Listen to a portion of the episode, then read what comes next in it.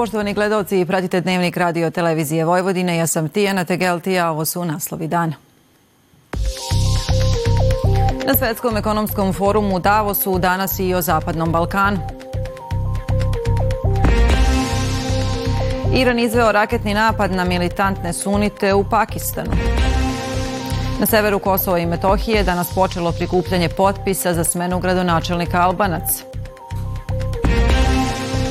Novak Đoković pobedio Aleksija Popirina i plasirao se u treće kolo Australian Opena. Sutra prolećna temperatura uz kišu u većem delu zemlje.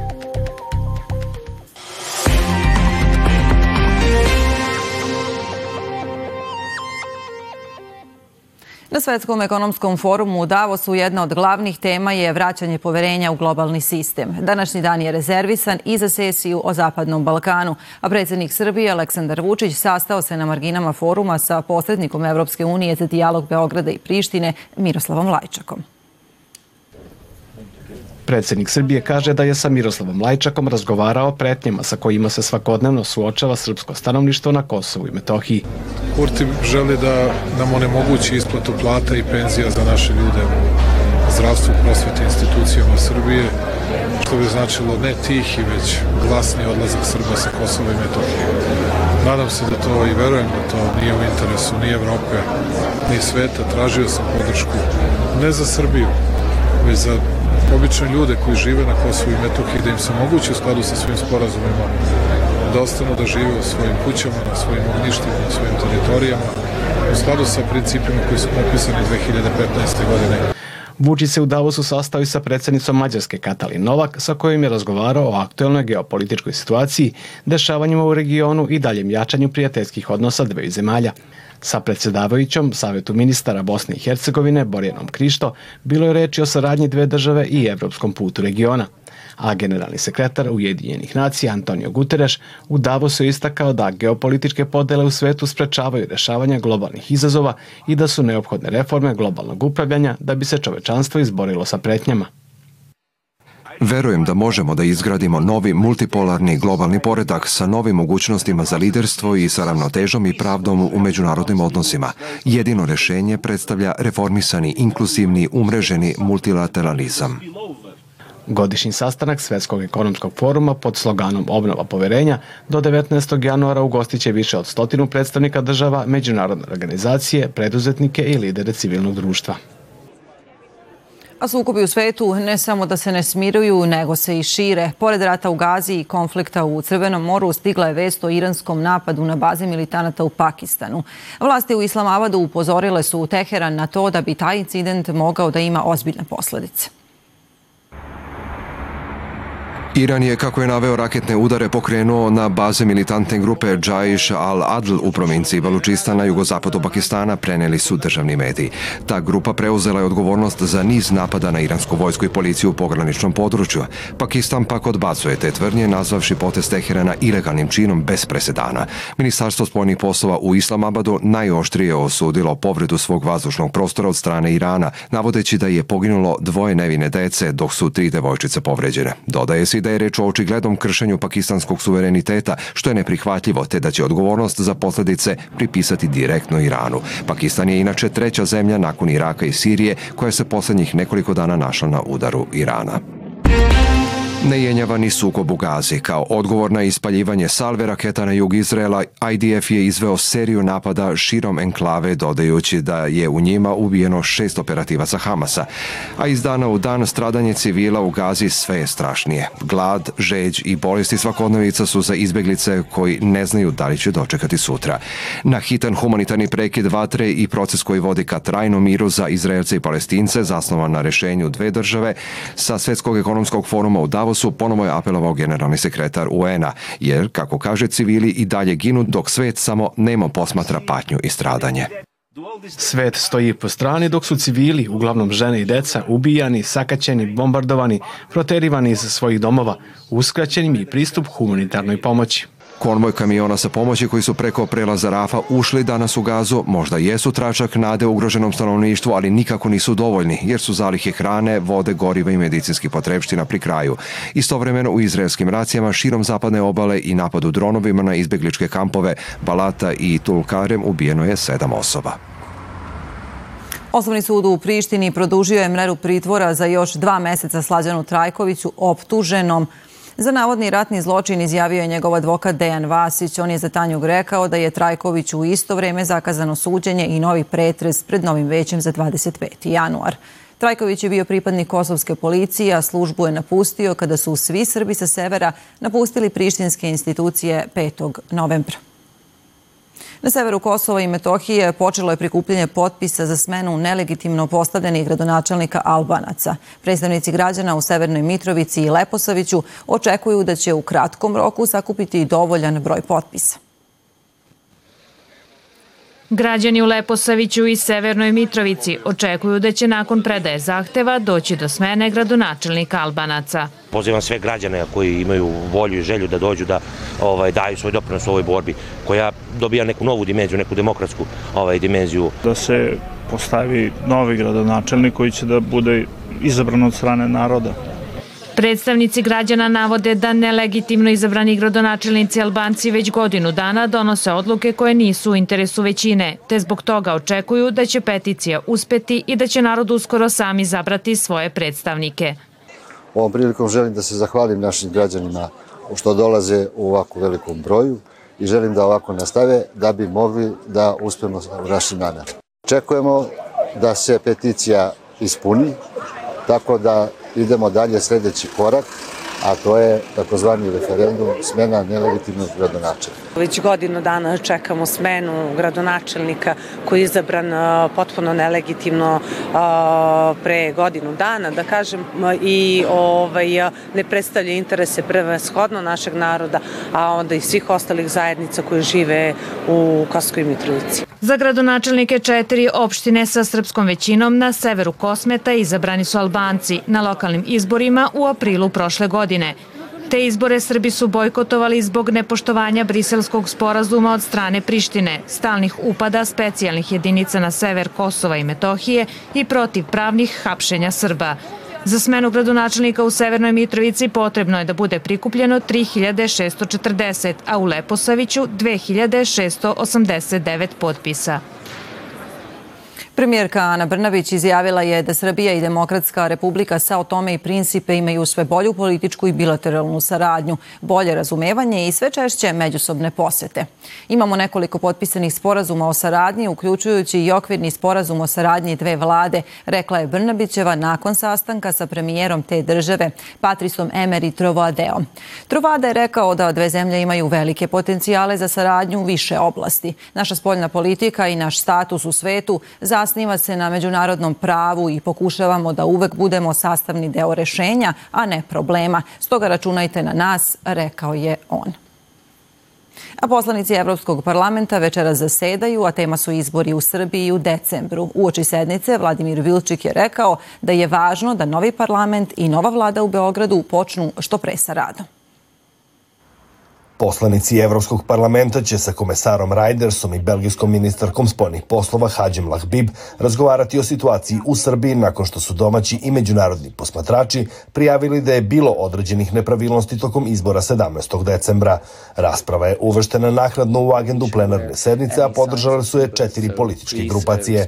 Nekadašnji ministar spoljnih poslova Rumunije, današnji evroparlamentarac iz obnove Evrope Dragoš Todorake, kaže za radioteleviziju Vojvodine da se nada da će srpske vlasti razumeti ovu debatu na pravi način i u pravom tonu, kao i da će sarađivati i prihvatiti preporuke koje će uslediti iz izveštaja Odira. Srbija je veoma važna zemlja kandidat i veoma važan sused Evropske unije. Nijedna politička grupacija u Evropskom parlamentu nije indiferentna prema političkim procesima i razvoju događaja koji se u Srbiji odvijaju. Mislim da činjenica da je čita većinski blok parlamenta predložio i podržao ovu debatu pokazuje da je to važno i za populiste, socijaliste i nas liberale i očekujem robustnu debatu. Zašto? Imali smo važne izbore u Srbiji. Još uvek čekamo finalne izveštaje i analize od Odira, ali na temelju onoga što su naši posmatrači uočili na terenu, reakcije koje smo videli od vlasti, jasno je da je bilo neregularnosti. Moramo o njima da debatujemo jer je demokratija najvažniji kriterijum za pridruživanje Evropskoj uniji i to je ono što očekujemo od partnera koji se nalaze u procesu proširenja, kojima smo posvećeni i u koje smo spremni da investiramo u narednim godinama. Dakle, za danas je predviđena samo rasprava koja bi trebala da počne negde iza 18 časova, dok će se o rezoluciji poslanici izjašnjavati na jednoj od dve plenarne sednice koje bi trebalo da se dogode u februaru. Iz Strasbura za radio televiziju Vojvodine, Ivan Ilić. Nakon povećanja broja obolelih od koronavirusa u vreme praznika, broj zaraženih počeo je da se smanjuje. Oboleli često imaju blaže simptome, ali se oprez savjetuje zbog širenja infekcije. Korone se ne treba plašiti, ali treba biti oprezan, poručuju lekari. Korona je ostala među nama i verovatno će veoma dugo biti prisutna. Međutim, na sreću to su njeni sada manje virulentni sojevi koji ne daju tako ozbiljne kliničke slike. Obično prolaze kao prehlade, a ozbiljne slike često sa smrtnim slučajem su pre svega u starih osoba. Povećanje obolelih tokom proteklih praznika bilo je posledica okupljanja i povećanog broja ljudi na određenim mestima. Nedelja pred samu novu godinu nam je bila u piku oboljevanja. U naredne dve nedelje, pa evo i do sada, dolazi do rapidnog opadanja broja. Svake nedelje po 50% opada od prethodnog e, nedeljnog broja. Tako da smo sada imali recimo prošle nedelje pozitivnih 54 od COVID u apsolutnim brojevima, što je oko 15,5% testiranih. Respiratorne infekcije najčešće liče jedna na drugu. Ipak, treba obratiti pažnju na specifičnosti koje daje koronavirus. To što kažemo infekcija gornjih respiratornih puteva uz obično blagu temperaturu. Individualno to može da ide i sa glavoboljom i mnogo jačom temperaturom i kašnjem izraženim.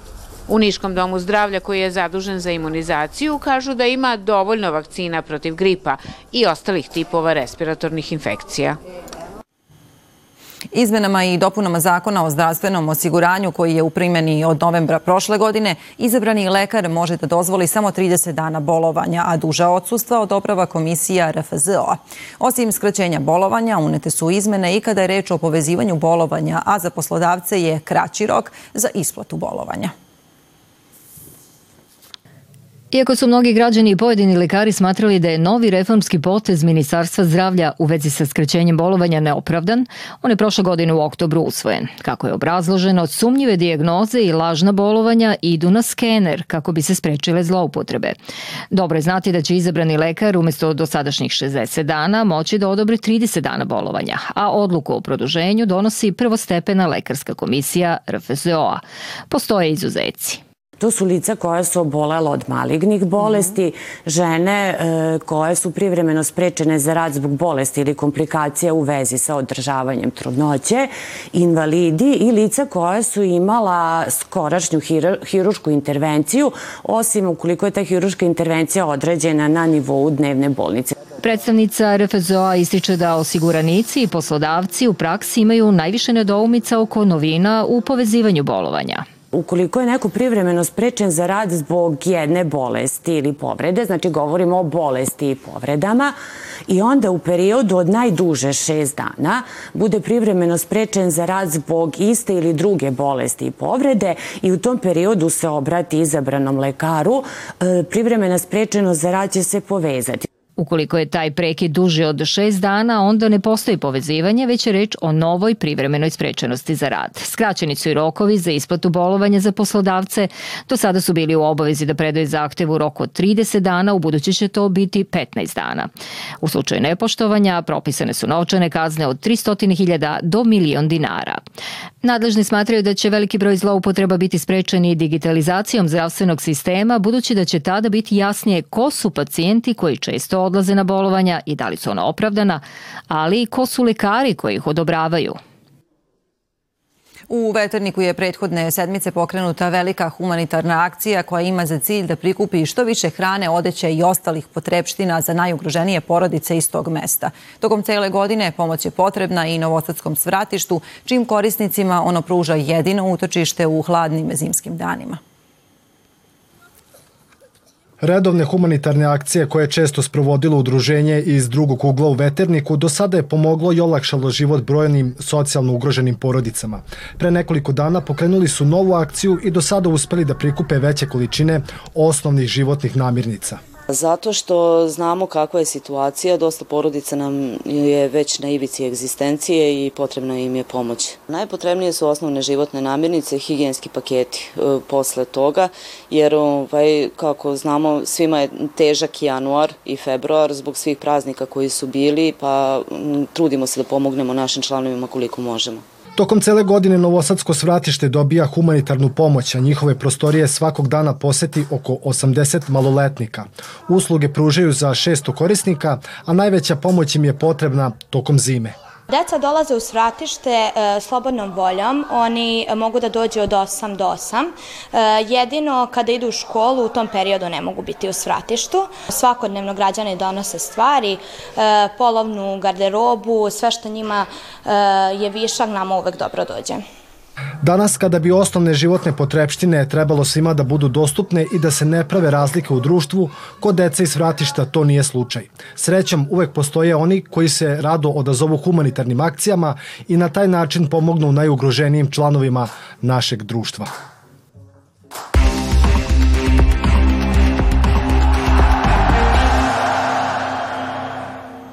Duško Vujović iz sportske redakcije sa nama. Dule, donesite nam dobre vesti. Da, sa Australijan Open Đoković je pobedio, opet je bilo malo problema, ali prošao je dalje. Novak Đoković savladao je Popirina i plasirao se u treće kola Australijan Opena. Baš kao u prvom kolu nije sve išlo glatko. Naš teniser je ponovo izgubio set pa je slavio sa 3-1. Đoković će u narednoj rundi igrati sa Martinom Ečeverijom koji je pobedio Gajla Mofisa bez izgubljenog seta. 24-godišnji Argentinac je 32. na ATP listi, dva puta igrao sa Đokovićem, a naš teniser je slavio u oba susreta. Prethodnu noć u NBA ligi obeleže susret Filadelfije i Denvera, odnosno duel Jokića i Embida. Pobedila je Filadelfija sa 126-121, zahvaljujući tome što je Embiid odigrao bolji meč od naše košarkaša. Jokić je bio veoma dobar. Uz 25 pojena zabeležio je čak 19 skokova, međutim, Kamerunac je bio fantastičan. Prošlogodišnji MVP lige uz odličan procenat šuta postigao je 41 poen uz 10 asistencije i 7 skokova. Filadelfija je treća u istočnoj konferenciji, Denver je treći na zapadu. Naredni susret ova dva tima na programu je već za 10 dana, ali u Denveru. Srpski košarkaški trener Dejan Milojević doživeo je srčani udar i sada je u bolnici, a njegovo zdravstveno stanje je stabilizovano. Našem stručnjaku je pozlilo prethodne noći tokom večere u jednom restoranu u Salt Lake City-u. Brzo je prevezen u najbližu bolnicu gde je operisan. Milojević je posle blistave igračke karijere trenersku započeo 2012. a sada je član stručnog štaba NBA tima Golden State Warriorsa gde asistira Steve Keru u radu sa centrima. Dejan Milojević je uvek bio snažan i nadamo se da će se vrlo brzo oporaviti. Nadamo se. Hvala Dule. A sutra u Srbiji prolećna temperatura čak 20 stepeni, ali uz kišu u većem delu zemlje.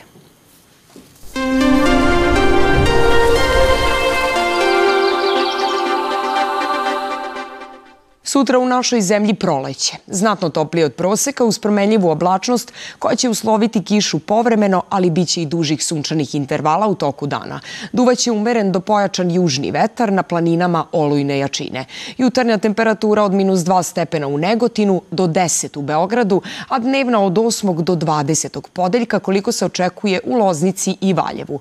Uveče kiša ponegde. U petak zahlađenje uz padavine. Susnežice i sneg očekuju se najpre na severu i zapadu zemlje. Za vikend još hladnije u snežne padavine u centralnim i južnim krajevima, a na severu suvo uz više sunčanih sati. Prema današnjoj prognozi u ponedeljak bez padavina uz jutarnji mraz. Toliko u dnevniku. Hvala vam na pažnji.